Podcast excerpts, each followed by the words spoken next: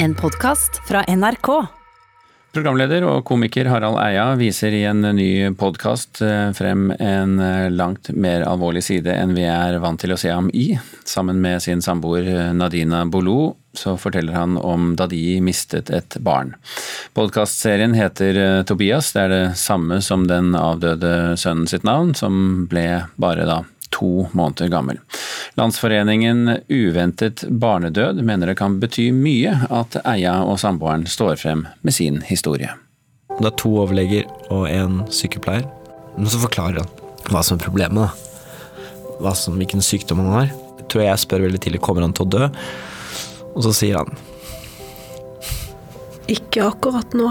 I podkasten Tobias forteller Harald Eia og samboeren Nadina Bolo om tapet av sønnen. Tobias ble født under dramatiske omstendigheter og med en livstruende sykdom. Etter to måneders behandling på sykehus døde han. I podkastserien forteller paret om disse opplevelsene, om sønnens korte liv. Gråt han? Nei, det kunne han ikke gjøre, for han hadde slangen nedi munnen. Der ligger og sperrer for stemmebåndene. Men du kan se det på fjeset at det kommer en sånn grimase, sånn som når man gråter, men det kommer ikke noe lyd.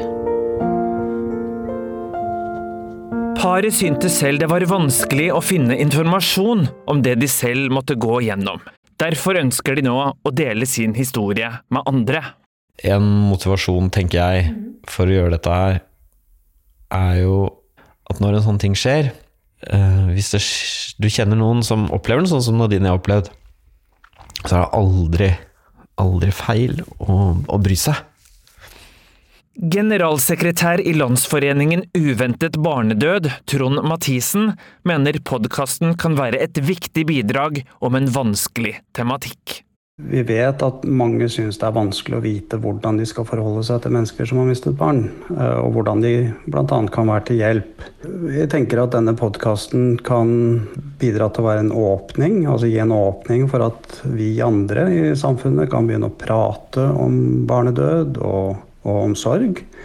Eh, Og, og sånn sett eh, bidra til at vi, vi andre blir mer forberedt på hvordan vi kan være til hjelp når kanskje noen i vårt nettverk mister barn. Harald Eia og Nadina Bolo fikk hjelp av psykolog til å sortere alle følelsene etterpå, og Bolo gir avslutningsvis noen oppmuntrende ord til andre som må gjennom det aller vondeste foreldre kan oppleve, å miste et barn. Så syns jeg at det er litt sånn fint å få sagt at det, det blir bedre. Det blir ikke alltid sånn at man får det dunket i hodet. At man blir liksom holdt på plass nede i noe som er sånn vondt og mørkt. Det skal bli lett igjen òg. Og puste fritt igjen. Det var Nadina Bolo, det er reporter. Det var Knut Øyvind Hagen, podkastjournalist her i NRK. Joakim Førsund, god morgen. God morgen. Du som står bak denne historien. Du har jo vært og er en, en god venn av Harald og Nadine, har vært over mange år. Um, hvorfor ville du ha denne historien deres ut? Det har litt sammenheng med at vi eh, som var rundt Harald Nadina da dette skjedde i fjor, vi var jo veldig fortvila og engstelige og syntes veldig synd på dem. Eh, Men samtidig så var vi veldig imponerte og takknemlige også, fordi de, eh, de åpna opp og de fortalte til oss. Uh, inviterte oss på sykehuset mens Tobias fortsatt levde.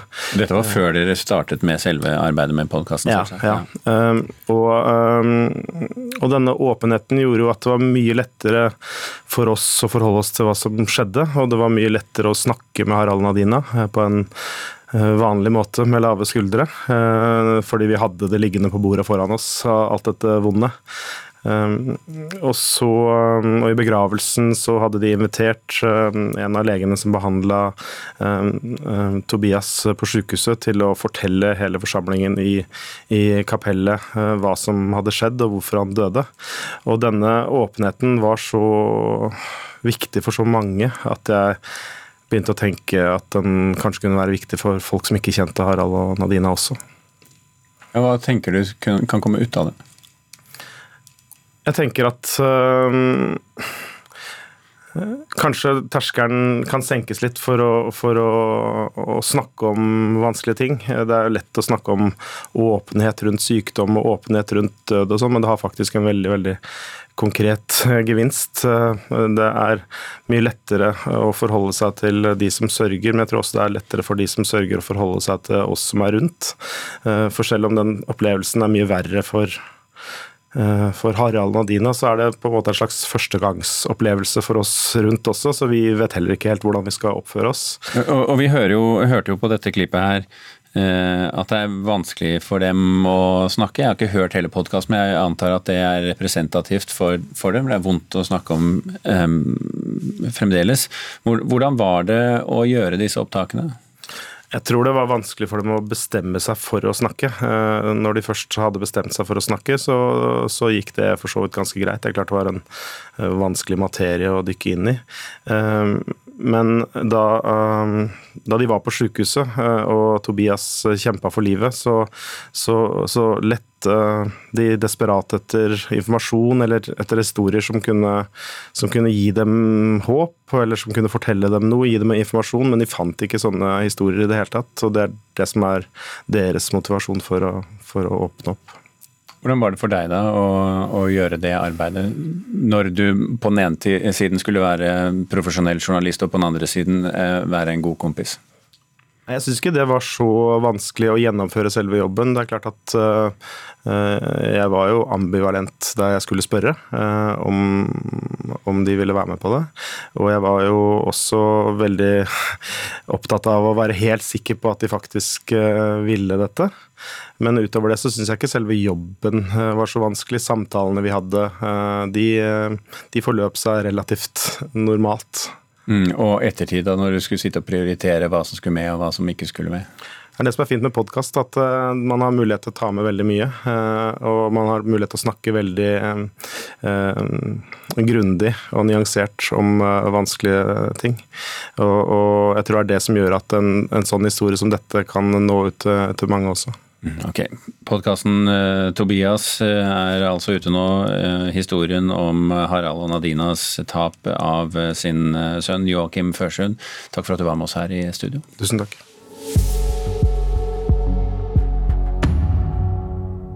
Kjersti Annesdatter Skomsvold, forfatter av romaner som 'Monstermenneske' og eh, 'Jo fortere jeg går, jo mindre er jeg'.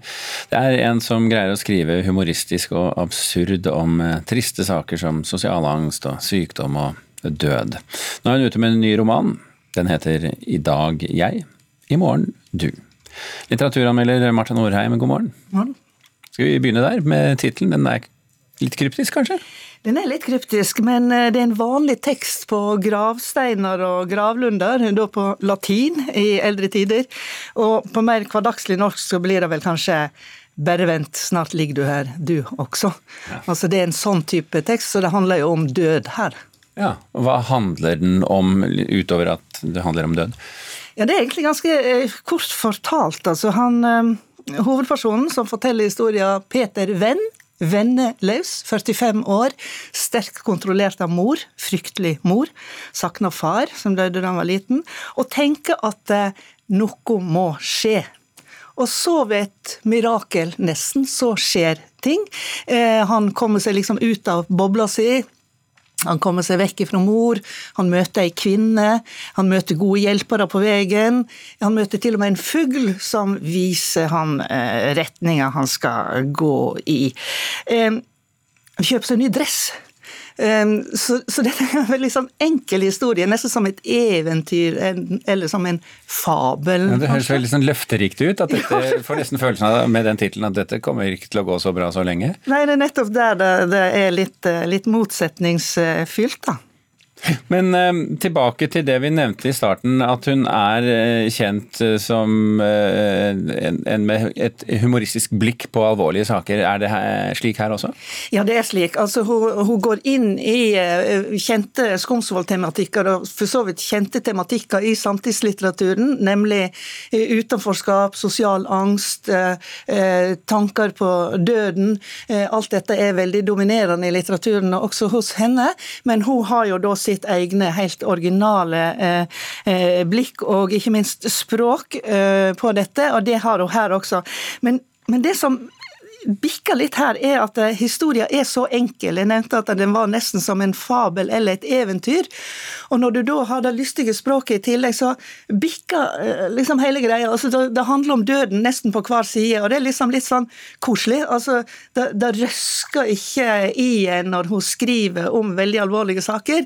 Og det holder nok imot denne boka, at den, den på en måte blir for uh, for lett. Den berører deg ikke, er det det du sier? Den berører liksom ikke, og døden er jo alvorlige ting altså, som, som, jo gjerne berører når den Unnskyld, leser om det.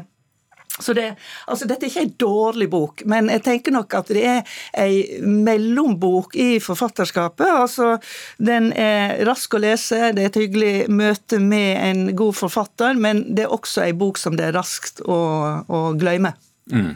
Men skal folk likevel lese den? Ja, da legger jo jeg meg egentlig ikke oppi. ja, men du er jo av og til blir jo bedt om å komme med anbefalinger. Vil du anbefale den? Ja, altså hvis en skal lese ei bok av eh, Kjersti Andesdatter Skomsvold, så skal en gampe i vei med 'Monstermenneske', 500 sider hardcore eh, litteratur. Den, det er den boka av Skomsvold som kommer til å bli stående igjen i litteraturhistoria.